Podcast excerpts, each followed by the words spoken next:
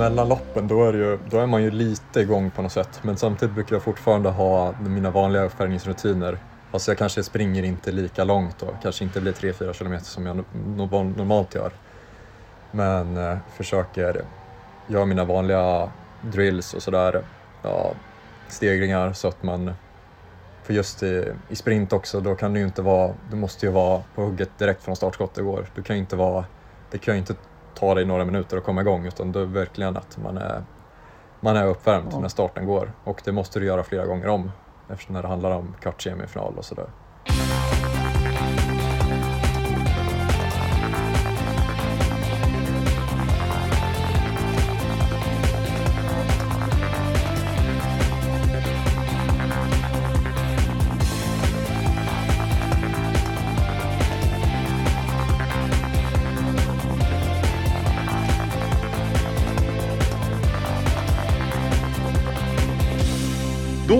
Säger vi hej och välkomna till ett nytt avsnitt av O-ringen-podden. Idag i Örebro, hemma hos Jonathan Gustafsson. Tjena! Tjena! Läget? Jo tack, det är fint. Ja.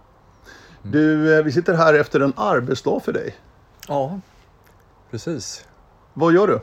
Eh, just nu håller jag på med, jag är biobränslelogistiker så jag följer upp grot kan man säga, alltså avverkningsrester då. Eh, för det är ett sortiment som blivit lite mer värdefullt nu i samband med elpriserna och sådär.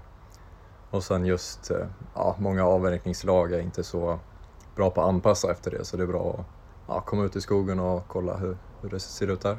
Men vad gör du rent, rent, vad gör du egentligen? Är du ute i skogen eller? Ja, mycket på skogen, sen lite på kontoret också så här. Men när jag väl är ute så går jag oftast runt med paddan och så ja, kollar hur mycket grot det finns, alltså avverkningsrester. Eh, eftersom ja, datat som vi har nu eh, ja, stämmer inte jättebra. Så, ja, typ, typ så. Grot, heter det det? Grot ja. ja, det kallar man, ja. Okej. Okay. Det är alltså grenar, kvistar, ja, bark och sånt här? Ja, det är för grenar, toppar, rötter och så, ja, blandningen. Just det. Helt enkelt. Ja. Och är det här någonting som du också haft inriktning mot, liksom, att jobba med sådana här saker eller? Nej, men det här är första sommaren, för jag, jag pluggar ju till jägmästare. Så det här är första sommaren jag jobbar skogligt. Så det är lite bra med att få erfarenhet och sådär också. Eh, så ja, det kanske inte är det mest spännande att gå runt på higgen, men sen känns samtidigt som att eh, man gör, gör något vettigt och sen ja, kommer man väl ha ja, någon användning av det här i framtiden. Mm. Men du jägmästare? Vad ja. innebär det? Vad, vad gör en jägmästare? Berätta. Ja, nej, det, det, är inte många som vet faktiskt. Eller kanske många orienterade men... Ja, man hör ju ordet, men vad gör han? Ja. Vad gör en jägmästare liksom? nej, men det går väl att beskriva som att typ civilingenjör inom skogen kan man väl förkorta till. Sen är det ju kanske lite fel bemärkelse eftersom vi inte läser lika mycket matte som en, eh, en civilingenjör. Men samtidigt är det ju en, en bred skoglig utbildning eh, som man ska ja, kunna jobba med, med det mesta egentligen. Ja, men vanligt är ju då på skogsbolag. Då. Mm. Var det här någonting du hade tänkt ganska länge, att någonting inom det här skrået ändå eller? Uh, nej, kanske, kanske inte riktigt. Men uh, sen fick jag upp ögonen för det var två kompisar som, uh, som pluggade det. och det verkade väldigt intressant. så, så blev det att jag gick på det spåret. Du Jonathan, vi ska prata en hel del sprint tänker jag. Ja. För det har ju blivit din inriktning, det som har passat dig bäst så här långt i alla fall. Men orienteringsmässigt, har det varit givet för dig att ändå orienteringen är din idrott?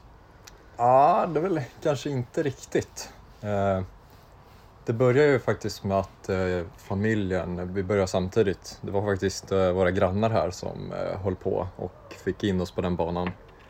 Eh, sen har jag alltid varit med ganska många år och sprungit. Men sen, jag har väl haft liksom friidrotten också eh, parallellt ganska ofta och vi var väldigt, väldigt bra gäng där så det var inte givet för mig att börja i Hallsberg, så jag har gått i Hallsberg. Eh, men eh, ja, känner ändå att det, det var bra val. Mm. Jag tänker ändå, KFUM Örebro är ju din klubb. Ja. Och de är ju duktiga både i friidrotten och har också en aktiv orienteringssektion. Mm. Har det inverkat Absolut. någonting också att du ändå kom orienteringen ganska nära i föreningen redan? Ja, faktiskt inte för just, eh, visst det heter ju samma KFUM Örebro men eh, de är helt skilda föreningar så de har egentligen ingen koppling med varandra. Eh, Så det kan jag inte, inte påstå. Men friidrotten säger du? Men ja. det är löpningen då som har varit din grej? Ja, det har Eller teknikgrenar också eller? Medeldistans. Nej, det är klart. När man tänker när jag var väldigt liten så var det ju, då är man väldigt allround, man testar på det, det mesta. Men sen var det ganska snabbt att det var medeldistans som ja, var det jag sagt, ja, satsade lite extra mot. Eh, nej, och sen var vi ju väldigt bra gäng där eh, och hade roligt så då ville jag nästan ja, lägga det före orienteringen men eh, ja, sen blev, blev det ju att orienteringen var ju väldigt roligt också. Man gick på Olgi och så här och då, då blev det, och sen slutade många i friidrottsgruppen, det blev inte samma gemenskap där så då, då var det ganska givet att liksom satsa mer mot orienteringen också. Mm. Men du valde ändå Hallsberg. Berätta mm. om det där beslutet för att det känns som att det var ändå ah. satt ganska långt inne. det var... Nej, men jag var väldigt tveksam, men jag tänkte nej men jag ska inte börja. Eh, sen hade jag ganska tur att jag kom in då. Eh, men var liksom ändå tveksam om jag skulle ta, ta den platsen då. Eh, men sen var ju farsan på mig ganska mycket. Ja men kom igen, det är klart du ska, klart du ska börja där. Men jag var fortfarande lite tveksam, men så kollade han runt med lite personer här i Örebro som då skulle försöka övertala mig, men sen blev det, blev det ändå så. Jag vet inte vad som var det avgörande beslutet, men eh, ja, ja, det var bra val nu känner jag absolut. Ja, det är ingenting du har ångrat i alla fall? Nej, absolut inte. Nej. Så. Men blev det då också att satsningen på friidrotten sjönk också med tanke på att du ändå valde orienteringsgymnasiet då i Hallsberg? Ja, alltså kanske i början av gymnasiet så var det nog inte riktigt så.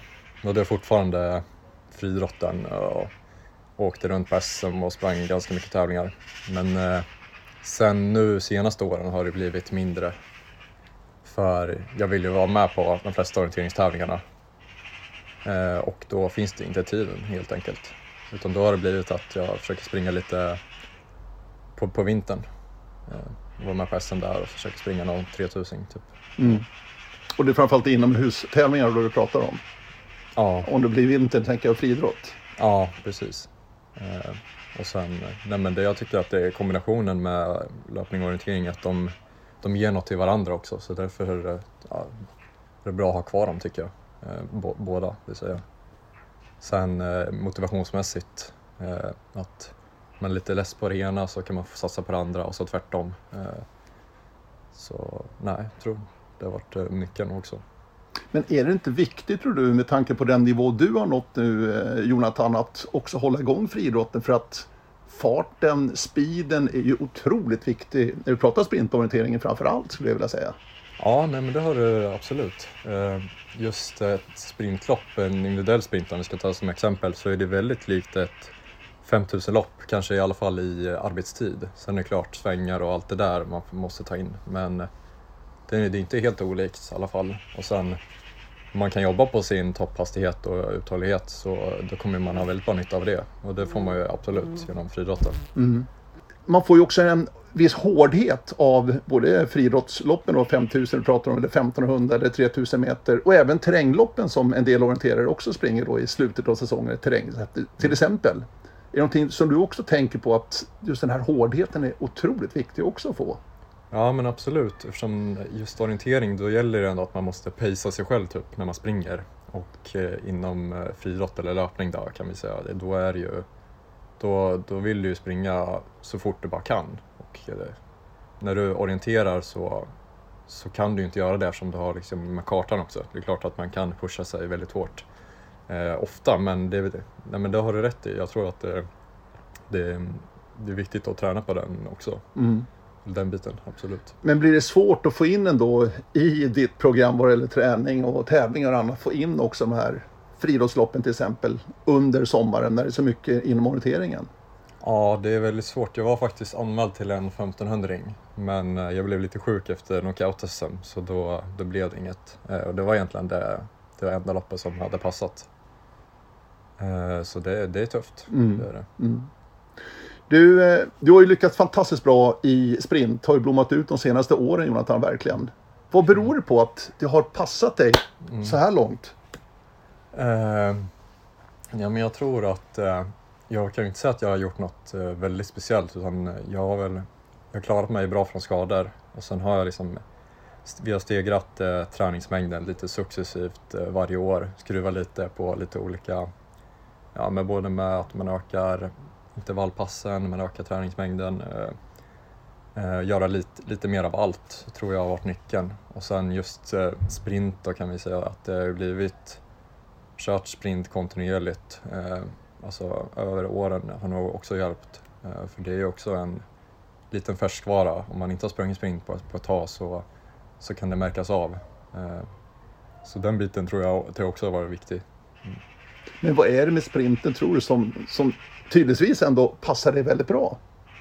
Ja, nej men... För det är ju en annan ändå... typ av orientering ändå. Ja, Någonstans. Ja, det är väldigt eh, snabba beslut och eh, sen är det viktigt att jag tror jag har haft väldigt bra nytta av eh, friidrottsbakgrunden. Eh, att jag kan eh, springa avslappnat i högre farter. Eh, och det har gjort att jag kan läsa kartan eh, bättre också och kan vara med i de här besluten.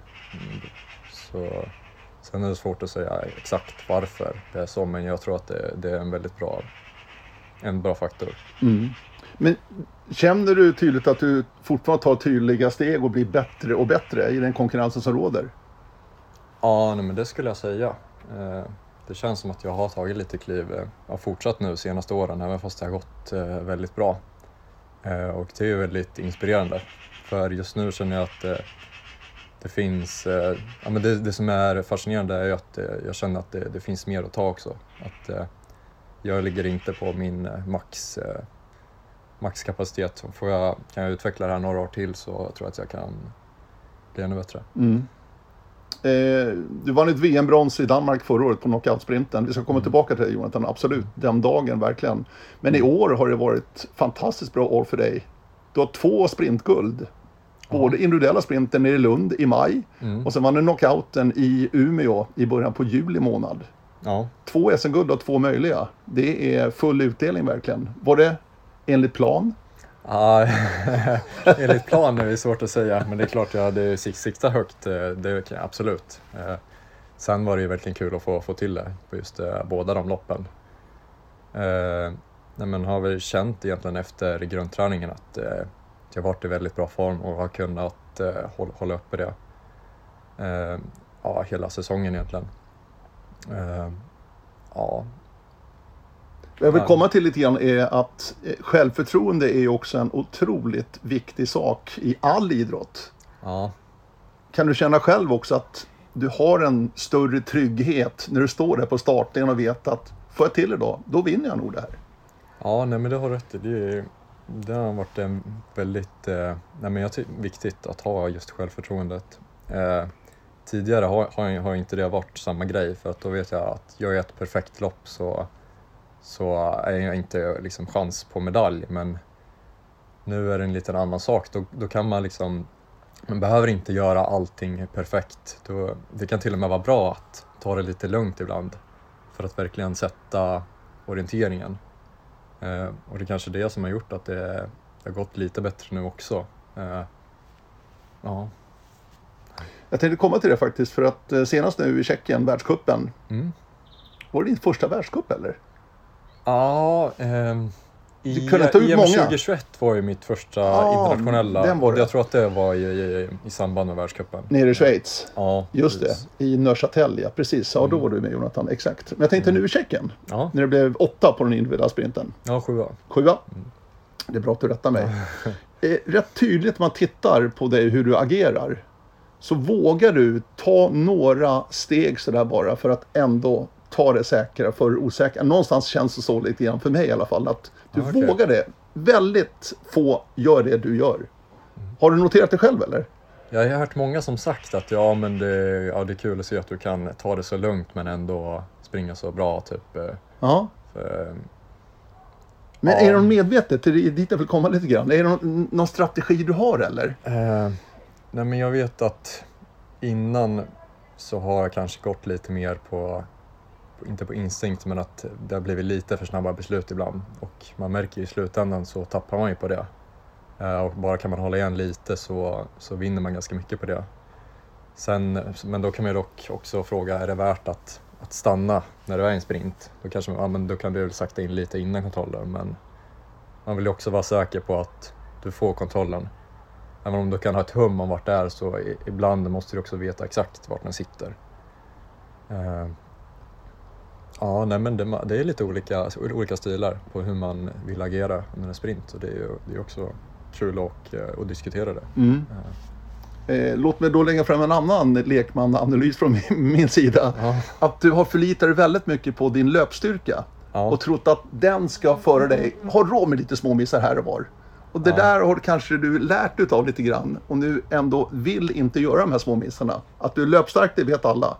Men att du förlitar väldigt mycket på den tidigare. Ja.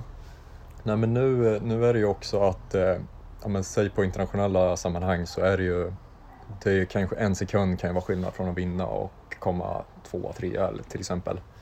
Eh, så kan man göra, optimera från alla synvinklar egentligen så, så ska man göra det för att, ja, att det ska gå så bra som möjligt väl på de viktiga tävlingarna. Jo, förberedelser är ju A och O, speciellt när det kommer till sprintorientering skulle jag säga, Jonathan. Mm. Hur pass intresserad är du själv av det här? Eller dras du med i gruppen när det kommer till de stora tävlingarna där landslaget lägger ner stora resurser verkligen på att förbereda, att ni ska vara så förberedda som bara går inför tävlingarna. Ja, just när det kommer till stora tävlingar så får man ju väldigt mycket, man väldigt mycket nytta av alla andra som springer i svenska laget och ja, ledare och så här, som gör förjobbet med att rita en karta över ett stort område till exempel. Eh, sen är det ju ganska individuellt hur mycket man själv vill lägga ner. Eh, så jag tror att vi gör någonting i mittemellan där, att eh, inte överdriva för samtidigt är det ju det är kartan som gäller. Typ i Tjeckien nu på världscupen så hade vi kollat in den här amfiteatern ganska mycket. Men så var det ju, vi trodde att det var öppet på lite ställen. Eh, så var det ju stängt på ena sidan och sånt där kan man ju inte påverka heller via förberedelserna. Så eh, det gäller fortfarande att vara öppen för att, ja, ja, egentligen vad som helst, inte vad som helst då, men mycket kan ju hända på tävlingskartan jämfört med det man förbereder sig. Men sen när man förbereder sig, det är ju väldigt viktigt för att ha en trygghet i, ja, men i området eller i staden när man springer. Då. Eh. Men man måste ändå vara beredd på överraskningar som du säger, att allt mm. kan inte ni liksom syna innan. Nej, verkligen. Om vi ska ta till exempel som på VM i Danmark där så var det mycket, mycket passager genom husen som visste att ja, men här kan du öppna, här kan du öppna. Det kan ju, banläggarna har verkligen fria händer. Eh, så därför går det inte att förlita sig för mycket på förmaterialet heller.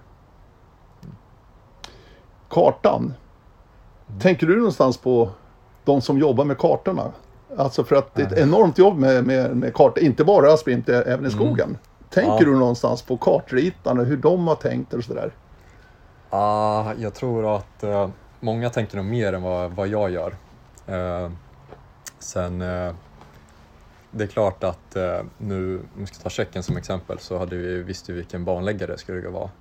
Eh, så då kan det ju vara, vara bra i förberedelsen att kolla upp Eh, tidigare eh, tävlingar som samma banläggare har, har gjort eh, för att få ett hum om, för oftast brukar, brukar ju banläggare vilja lägga liknande när det kommer till, ja, men till kommande tävlingar. Så det är kanske mer den biten. Ja.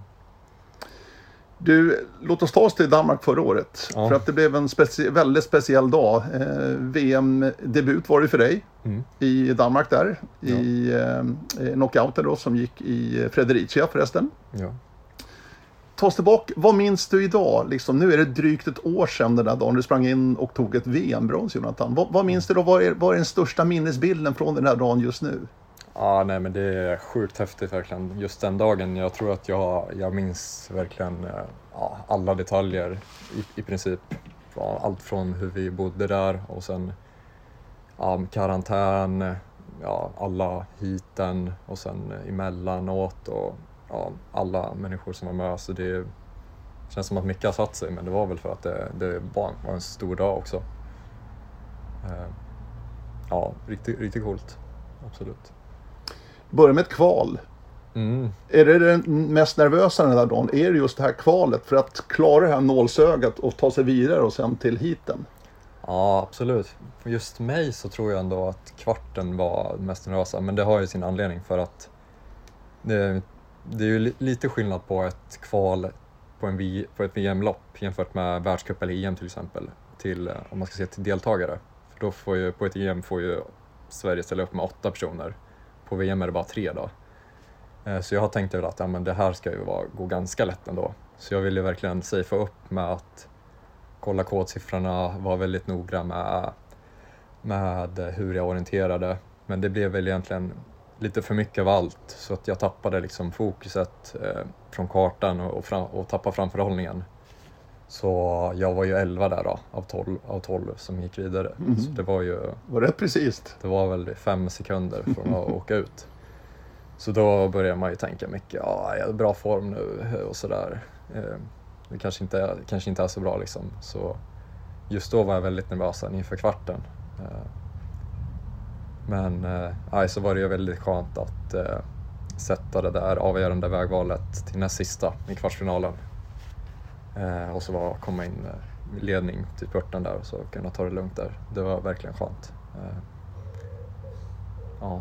Ja, du vann den där kvartsfinalen. Mm. Men berätta om det där vägvalet, var någonting du hade tittat på länge? Att du hade bestämt dig innan så att säga, du kommer till kontrollen ja. innan den här sträckan? Det blev ju väldigt eh, lur och rackarspel. Det är ganska kul att kolla på de eh, just kvartsfinalerna i efterhand. Mm. Eh, eh, Eh, så det blev ju väldigt eh, att vi hängde ihop mycket. Vi, kunde, hade ju typ listat ut att det skulle vara raka banor. Eh, så det, blev ju att jag tog mycket tid till den sträckan och det kände, kände mig säker på mitt vägval. Och sen blev jag ändå själv på det.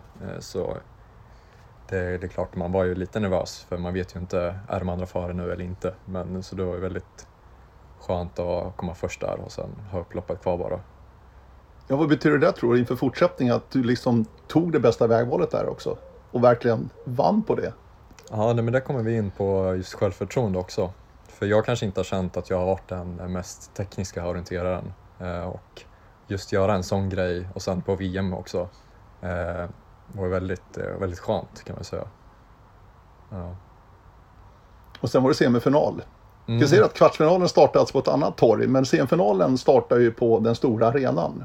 Ja. Med allt folk runt omkring. Det hade ni inte riktigt vid kvartsfinalerna, för då startade ni på ett annat ställe. Ja, en helt annan ja. stämning vid starten. Exakt. Man kommer, får kameran upp i ansiktet där. Ja, vad, hur, hur tacklar du sånt liksom? För det är ganska ja. nytt för dig det där ju.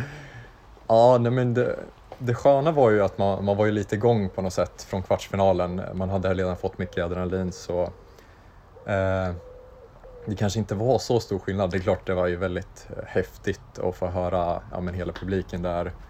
Man ser den här storbildsskärmen med den värsta rampen ner vid starten. Eh, men jag tror att jag lyckades fokusera bra och ja, göra, det, göra det, mitt jobb bra. Mm.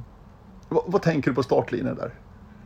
För att här är det de, det var de två bästa, det var två bästa var det, som ja. tog sig vidare till, eh, till finalen då. Mm, det var ju tre semifinaler. Så de två bästa, det är ett väldigt nålsöga alltså. Ja, det är verkligen en helt Vad annan... kände du på startlinjen? Vilka hade du emot i det här semin? Kommer du ihåg det? Några av dem i alla fall. Ja, det var ju eh, Håvard var det bland annat, Kirmula eh, och sen Louis Capern. Eh, så det var ju folk som var bra men ändå hade ändå som tanke att, vi, att det var väldigt jämnt hit. Så man visste att ja, egentligen vad som helst kunde ju kunna hända. Uh, men jag kände just i semin så fick jag inte till uh, orienteringen lika bra. Eh, jag försökte verkligen läsa in, eh, läsa in slutet men fick verkligen inte, inte något bra hum på det. Så det var väldigt skönt då att vi, vi var väldigt samlade eh, på det vägvalet i slutet där. Och sen ja, just den dagen kändes det väldigt bra. Så det var skönt att kunna, kunna ta hem semifinalen också. Så strategin blev liksom under loppet gick helt enkelt att jag vill bara med till slutet och så kan jag springa hem där en, en topp två? Ja, jag hade velat eh, haft lite bättre koll egentligen just där. Men sen eftersom jag inte fick något hum, det var ju ganska mycket vägval och ja. så svårbedömt. Eh, så då ville jag bara göra det, göra säkra för det osäkra och så ja, skönt att vi var, vi var ihop där så vi, det är klart jag det är ändå en trygghet att veta att jag, att jag är stark. Det är klart om jag möter det också men så jag ja, tror ändå på mig själv i en spurt. Mm. Och fortfarande, eh, visste ni då att det var raka banor även i semin eller? Ja, eller vi hade väl ändå som ett hum, som ett du sa. hum som mm. från, eh, från Bulletin och det var vi hade kunnat förvänta oss. Så var vi ganska säkra på att det skulle vara raka i alla fall. Mm. Men den här taktiska då, semifinalen som det blev, mm. i och med att ni sprang väl och tittade på varandra ganska mycket innan det skulle avgöras, eller? Ja, det kan man ju säga. Det var ju Håvard som eh, drog där. Ja, tre kontroller kvar, drog han på en riktig spurt bara och körde, körde järnet därifrån. Då, var det, då, då skulle ju alla hänga på där liksom. Kände, ja, han, har, han har ju koll nu. Men där får man inte förlita sig på varandra heller. Men det blev lite så. Ja. Men du tog dig till finalen. Ja. En VM-final. Mm. Nej, det var sjukt mäktigt. Kommer fortfarande ihåg eh, Kalle där som skrek efter målgång. Det var, ja, det var häftigt. Ja, det var magiskt. Mm. Två svenskar på pallen. Ja. August var stark den där dagen också. Ja. Nej, det var ju lite... Nu vet väl många storyn att vi är lika gamla och tävlar mot varandra mycket, men mm. det är klart det, det var väldigt fint att mm. få, få dela det med han också. Ja, ett första VM för er bägge liksom och bägge ja. på pallen. Ja, det var verkligen leverans. Ja, den kom man också. Ja. ja. Men eh, tillbaka till finalen. Mattias Kiburz var inte mycket att göra åt. Nej, vi, ja, visste ju att han, eh, han har ju ändå vunnit eh, knockouter innan så jag visste att han, eh, att han är skicklig på det där. Eh, så nej, det var ju bara, ja. Men när bara... han är med i det här fältet, mm. Ni är fullt medvetna om hans bakgrund och hur pass duktig han är.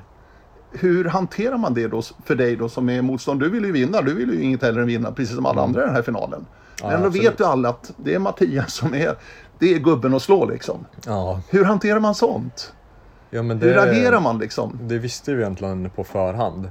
Så skulle man vara, tänka väldigt eh, bara utifrån det perspektivet så kanske man hade, skulle bara gått med han och så bara försöka spränga ner han i slutet. Exakt, det är så jag tänker också. Ja, absolut. Men jag vill ju ändå jag litade ju ändå på mig själv där att ja, mitt vägval till näst sista, att, att det var, jag tänkte att det skulle vara det bästa. Eh, så ja, var ju de några sekunder före.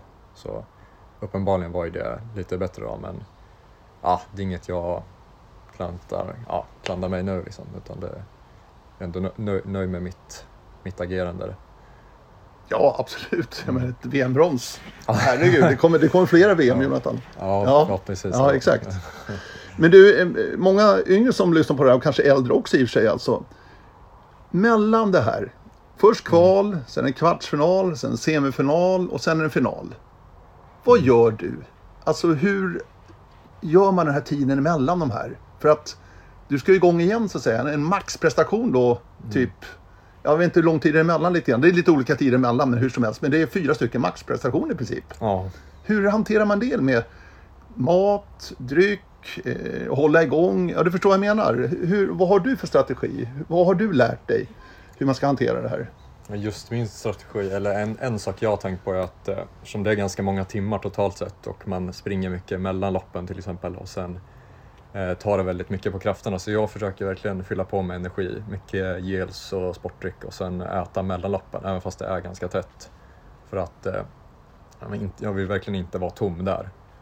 Eh, så det är väl en sak. Men sen till exempel mellan ett, eh, ett kval och en kvartsfinal är det ganska mycket, mycket tid. Det är klart man har ju ändå, ja men, man har ju ändå kvartsfinalen i bakhuvudet, att man tänker att det väntar. Men när det är så pass mycket ändå så jag tror jag att jag det är viktigt att eh, bara koppla på och av. Så när, det, när man inte ska springa så försöka göra något annat för att det inte ska bli för mycket. För att sen liksom kunna växla om och sen bara vara väldigt, verkligen fokuserad när det väl kommer till kritan när man står där på startlinjen. Mm. Men vad är mm. något annat, till exempel? Ja, Nej, men uh, har man någon annan som vill typ spela kort så kan ju det vara en grej. Ja, du vill inte vara för dig själv utan du kan umgås med andra så att säga. Ja, kombinationen där är bra. För att Sen, det är också väldigt individuellt det där vet jag. Ja, verkligen. Man, man ser ju många olika stilar i typ karantäner och sådär. Uh, nej, men sen kan det, vara, det kan vara skönt att vila lite också, men sen uh, ja, ha någonting att göra ändå när det handlar om så många timmar så vill man inte bara sitta och rulla tummarna heller. Uh, I alla fall det som fungerar för mig. Uh, jag vill gärna ha någonting att göra. Mm. Sen uh, ja, är man ju inte själv där heller så det går ju alltid att snacka om ja, vad som helst egentligen med, med någon kompis eller ledare eller sådär. Mm. Inför då kvart, semi och final, när börjar du få igång kroppen igen så att säga efter att ha vilat, försökt återhämta dig lite grann, så måste man ändå få igång kroppen igen. Ja. Hur, hur mycket tid behöver du där liksom, och vad gör du för att liksom vara uh, där när starten går? Jo men mellan loppen då är, ju, då är man ju lite igång på något sätt men samtidigt brukar jag fortfarande ha mina vanliga uppvärmningsrutiner. Fast jag kanske springer inte lika långt och kanske inte blir 3-4 kilometer som jag normalt gör. Men eh, försöker göra mina vanliga drills och sådär, ja, stegringar så att man för just i, i, sprint också, då kan det ju inte vara, du måste ju vara på hugget direkt från startskottet går. Du kan ju inte vara, det kan ju inte ta dig några minuter att komma igång utan det är verkligen att man är, man är uppvärmd ja. när starten går och det måste du göra flera gånger om eftersom det handlar om kvart, semifinal och sådär. Mm det här är ju inte så ofta det springs, de här knockout-tävlingarna. Mm. Det är SM då som också har nu på programmet sedan några år tillbaka, där du vann mm. SM-guld som jag sa tidigare, Umeå tidigare i år. Ja. Eh, svårt ändå att träna på det här kan jag tänka mig. I och med att, gör ni det landslaget så och riggar en, en knockout-dag? Nej. Nej, men det, det, det, är svårt att träna på just allt det här kan jag tänka mig. Man måste ju lära sig och ja. få erfarenheten, kan jag tänka mig. Verkligen, det är mycket det är, det är ju speciellt. Det är det. Och sen ska vi ha haft, eh, ska det, det har ju varit bra att vi har varit på läger kontinuerligt in, inför VM så att vi fått en, en hel knockout-dag, typ säger en gång i månaden. När vi har varit, ja men alla som har varit med har sprungit den här. Och då blir det verkligen kvalitativ träning och det, det är ju svårt att få annars. Eh, det går ju klart det går att köra typ eh, intervaller när man spårar med varandra. Eh, det blir också bra. Eh, sen, men det blir lite speciellt när man ska vila så pass länge mellan loppen som det är på en tävlingsdag i knockout. Uh, ja. En fråga jag grubblat på och tänkt ganska mycket på. Hade du och August pratat ihop någonting inför finalen? Nej, ingen, ingen specifik taktik så här utan... Skulle det gå tror du? Att dra nytta av varandra på något sätt i en final då i ett knockout VM-orientering? Ja, på något sätt går det ju säkert. Eh, det är ju det är också dock det här att man inte vet exakt hur banan går och sen är det mycket som man inte kan eh, förutspå som kan hända. Men eh, ja, det skulle kunna gå att prata ihop sig om att man till exempel ja, kör hårt från start, jag vet inte. Men sen är, ju, sen är det ju att den taktiken kanske inte heller skulle vara, vara bra. Eh, nej, men ja, inget, inget vi sa i alla fall nej. innan. Nej. Du, eh, en annan sak som också funderar lite grann på det är ju utrustning. Eh, mm. skor är ju en jätteviktig del i det här naturligtvis, hitta rätt. Det är ja. ju väldigt vad ni gillar för olika typer av skor, vilket underlag det är naturligtvis. Oftast är det ganska hårt underlag på sprinterna nu för tiden. Mm. Eh, kompass, behöver man det i en sprint? har fått en fråga om till exempel. Eh, hur resonerar du? Vad det ja, gäller din uh... utrustning, liksom. hur, hur vill du vara kittad för att vara redo för, en, för ett race? Ja, nej, men jag vill ju verkligen känna att, om vi ska börja med skor så vill man känna att eh, det är några som jag tycker är sköna. Eh, sen, eh, det mesta fun funkar väl egentligen, men det är klart att du vill ha, du vill känna att du har de bästa skorna när du väl står på startlinjen. Eh, och då är Men det är löparskor vi pratar om då? Inte ja, orienteringsskor? Nej, just eh, vi ska säga sprint så mm. vet jag att det är väldigt, eh, att många resonerar olika där. Just sin Gustav till exempel, han vill ju ha eh, markkontakt så han kör ju oftast med dubbat, även fast det bara är kanske lite gräs på en sprint. Men där är väl jag lite tvärtom, att jag gillar eh, löpkänslan i, ja, men i löparskor då. Så att jag föredrar dem oftast, även fast det är lite gräs då. Eh, men annan utrust, annars utrustning generellt så är det väl ja, men vanligt för, inför en orienteringstävling. Och nej, just kompass, jag har ju testat någon gång utan. Det skulle kanske funka men det är ganska bekvämt att ha den. Speciellt oftast kan du se när du väl får kartan vart norr är, då vet du exakt hur du ska hålla den vid startögonblicket. Då sparar du någon sekund där och sen kan det vara skönt om man kommer in i en park någon gång eh, när du inte har de här husen att förhålla dig till eh, med norr och söder och det. då kan det vara skönt. Mm. Så jag skulle nog aldrig springa sprint utan kompass. Nej. Lupp? Ja, just lupp har varit väldigt dålig. Jag har knappt tränat med det heller. Nej. Det skulle nog absolut kunna vara något eh, för framtiden. Ja, jag tänker vissa sprintområden, trots att det är en 4000 del, ja. kan vara otroligt smått och detaljrikt. Ja, verkligen. Eh, det, det, borde jag använda mer än vad jag gör. Eller i alla fall pro, prova, prova det några gånger. Ja. För det, det är ju smått. Eh, ibland så ser man ju inte heller. Man tror att man ska komma igenom men så är det ett litet svart streck där. Eh, och sådana misstag vill jag inte göra heller. Eh, men det är också kanske inte nödvändigt vid alla sprintar, men det är klart, är det, är det mycket små passager så tror jag att det, det kan vara väldigt bra med att ha en lupp. Mm. Det där var ju Danmark. Eh, du har ju varit runt lite grann och sprungit sprint i lite olika områden, olika länder. Mm. Du blev ju världsmästare för, förresten förra året ju universitetsvärldsmästare. Ja, just det. Ja. Student-VM. Ja, eller student-VM som vi säger här. Eh, nere i Schweiz. Ja. ja. Du, vad, vad, vilken är din häftigaste upplevelse vad gäller sprintorientering? För att det finns så många olika härliga ställen liksom, där sprint är väldigt, alltså, väldigt spännande på många sätt. Ja, det, jag gillar ju ändå, jag har inte varit nere så mycket i typ Sydeuropa, men jag gillar ändå just de sprinterna. Typ. Vi var i Italien nu i april. Eh, och då var vi en väldigt häftig stad, Viester där. Väldigt eh, gammal stad, mycket gränder och så här. Just sån sprint är ju väldigt coolt och det är ju verkligen också unikt mot vad vi har här i Sverige. Sånt hittar du ju inte här heller. Och jag vet inte hur många byar i Italien som ser likadana ut, eller ja. liknande. Ja. ja. Och det är ett EM i Italien nu lite senare här i höst, Jonathan. Ja. Hur mycket längtar du dit? Nej, men det, det har väl egentligen varit stora målet sedan VM egentligen. Att jag fokuserar på det. Så det, det skulle jag ha. Nu är det inte många, många veckor bort dit heller. Eh, så det, det ser jag verkligen fram emot. Mm. Vad säger du om det här nya, eller nya, det har funnits ett tag nu, men det här nya upplägget med skogs-VM vartannat år och sprint-VM då vartannat år. Vilket gör att cyklerna blir ju väldigt märkliga för dig då som framförallt satsar på sprint och det kan jag för med andra som framförallt satsar på skog då ja. så blir det väldigt konstiga säsonger. Eller? Verkligen. Men eh, just för mig tror jag att det är bra att jag kan, för hade det varit säg sprint-VM och skogs-VM varje år, då kanske jag hade liksom anpassat mig mer till att bara köra sprint eller fokusera på det. Nu finns ju ändå möjligheten att lägga om eh, och köra, alltså satsa lite mer åt andra hållet. Så jag tror att det, det är en bra, bra grej som de har gjort nu. Eh, man kan satsa lite mer varannat år mm. åt vardera. Sen, eh, sen är det ju ändå, för mig, för mig är det viktigt också att ha båda tror jag. Eh, för att skulle jag bara hålla på med sprint så tror jag att det, jag skulle tappa motivationen också.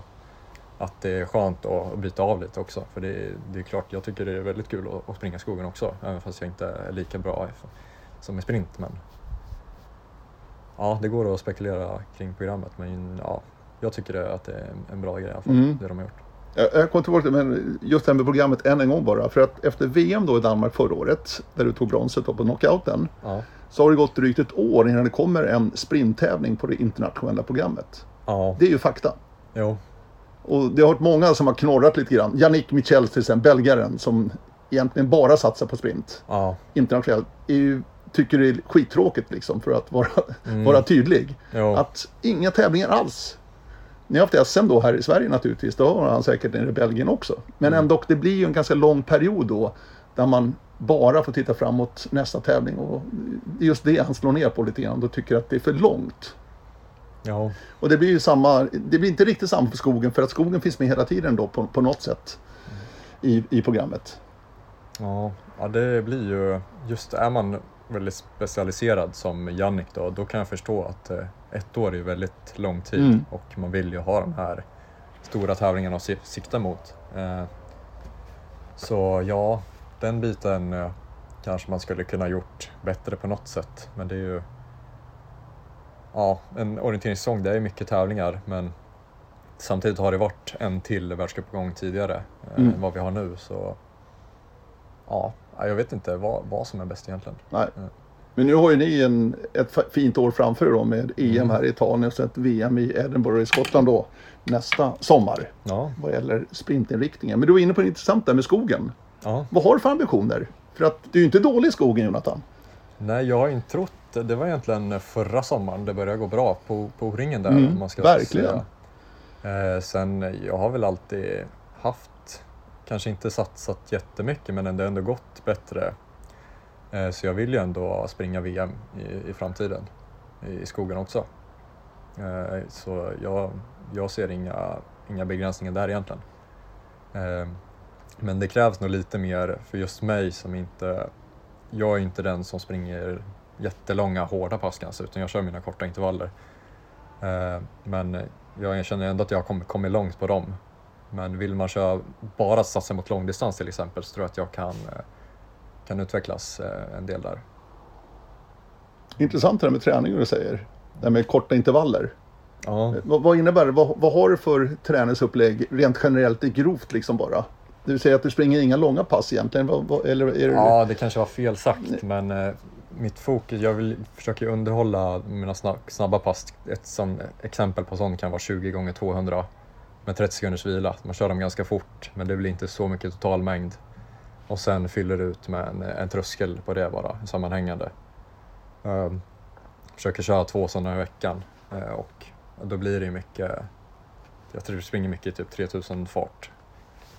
Uh, och uh, det kanske är, för en långdistans kanske det är inte, kanske man vill ha li, lite annat då egentligen. Få lite längre, hårdare intervaller. Gör du de intervallerna på bana eller? Ja, oftast det. Eh, eller ja, i alla fall de kortare. Mm. Så det är ju liksom att vi har, har det möjligheterna här väldigt nära. Mm. Eh, vi sitter här hemma i Örebro. Mm. Men du finns i Uppsala ja. nu framöver här. Ett par år. Ja. För du ska avsluta dina studier också. Precis, jag är på att börja master nu. Men sen eh, pluggar halvfart nu så jag räknar med att det, det blir något, något år till i alla fall. Och hur är Uppsala då för dig som orienterare? Den miljön? Ja, men det är väldigt lyxigt. Vi bor ju alla väldigt centrerat och det är väldigt många andra som satsar. Och Sen har ju OK Linné bra verksamhet som många studenter hänger på. Att man behöver inte vara med i klubben där för att kunna träna. Och ja, det är väldigt bra, bra gemenskap eh, och många på träningarna och det är det som är väldigt, väldigt roligt också. Eh, dubbla svenska SM-guld i år alltså, både sprint och knockout-sprinten. Vad ser du framför dig? Vad har du satt, satt upp några mål, Jonathan, med din idrottsliga karriär? Ja, det kanske inte var... Nu, nu var det ju ganska långt, eller nu var det tur att det inte tur, men roligt att det blev eh, VM-broms här förra året. Så nästa naturliga är ju då att eh, satsa mot eh, VM-guld i, ja, i Edinburgh. Ja. Sen är det ju klart det är väldigt mycket som ska sitta på plats för att det, det ska hända, men det, det, är ett rimligt mål för mig. Mm. Det låter ju jättespännande tycker jag. Ja. Är det både individuella sprinten och knockouten eller är de, de är likvärdiga för dig så att säga in, inför? Jag tror att jag har bra chanser på båda, absolut. Sen om jag måste välja någonting så, eh, så tror jag att knockouten passar mig lite bättre just nu i alla fall. Men jag tror fortfarande att jag kan springa bra på, på en individuell sprint. Mm. Mm. Eller det vet, det vet jag. Ja, absolut. Och vägen dit då går ju via till exempel då EM här i Italien bara någon månad bort nu ju. Mm. Ja, det är spännande. Det börjar närma sig. Hur mycket vet du redan nu inför EM här i Italien? Om, eh, om vad som väntar? Ja, om vad som väntar, exakt. Ja, nej, men det är ganska... Jag har kollat in eh, kartorna och områdena. Eh, det kan nog bli väldigt kul. Väldigt, vi springer väldigt centralt där på individuella sprinten. Och sen eh, knockouten ser väldigt bra också ut. Eh, det går att, går att få till bra banor, mycket innergårdar och lite sånt där. Eh, så, sen är det alltid spännande att se vad, vad banläggarna ska hitta på och hur bansträckningen blir. Men det går ju alltid att spekulera, men det, det kommer bli bra banor. Absolut. Mm. Jag känner ju bara, och det är i sig i skogsorienteringen också, men framförallt i sprinten, det är otroligt små marginaler det är lätt att kanske vika in en lite för snabbt om det kommer många gränder till exempel. Så tappar mm. man kanske fem sekunder och då kanske man tappat en medalj. Det är ja. otroligt små marginaler. Ja, man får ju verkligen inte ge bort sig om man vill få vara i topp där. Nej, för det jag tänker är att mm. alltså, skärpan måste vara påslagen precis hela tiden. Ja, du har ingen chans att slappna av egentligen. Ehm, så det är, det är också kul, det som är kul med orienteringen. Ehm, ja, man eh, måste vara, vara på topp mm. för att prestera. Man får inte eh, göra bort sig. För då tar någon annan chansen. Mm. Ja, det ska bli jättespännande med EM i Italien. Jag tänkte att vi skulle avsluta det här ja. med O-ringen som du var inne på precis. Ja, absolut. När, när sprang du ditt första O-ringen? Eh, Kommer du ihåg det? Första hela O-ringen var ju i Sälen ja. 2008. Eh, men då blev jag faktiskt felstämplad. Eh, jag var lite, ja, fick inte till det på fjärde etappen tror jag. Men sen eh, var vi faktiskt ute 2007 med familjen. Men jag vet inte om jag sprang då. Nej. Men ja, O-ringen i Sälen där var första 2008. Vilket är ditt bästa minne från O-ringen? Eh, Så här långt? Ja, alltså... Vad blev det i Uppsala? Det blev femma va? Eller vad blev ja, ja, I totalen? Just, eh, placeringsmässigt. Det var ju fantastiskt bra. Så var ju förra året väldigt bra. Eh, jag, jag gillar eh, terrängen där i Uppsala också. Och sen var det ju kul att få till det såklart. Men annars var ju Avik väldigt roligt. Mm. Eh, fint, fint, fint där. Eh, ja. Mm. Mycket att se fram emot. Ja, verkligen. Ja. Det kommer tävlingar hela tiden. Ja, precis. Nu Örebro, men snart till Uppsala. Ja. ja. Jo. Och mastern ska du få ihop också. Ja, plugget ska in också. in och bli en färdig det... jägmästare. Ja, precis. Ja. Det, det, ska gå bra. Ja. Får se om du blir en världsmästare också. Ja, det får vi se.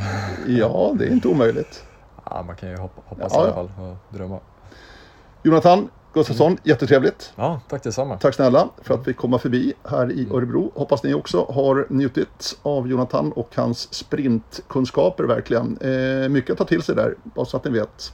Hör gärna av er. Radio är adressen som vanligt. Vi säger hej då ifrån Örebro. Hej då!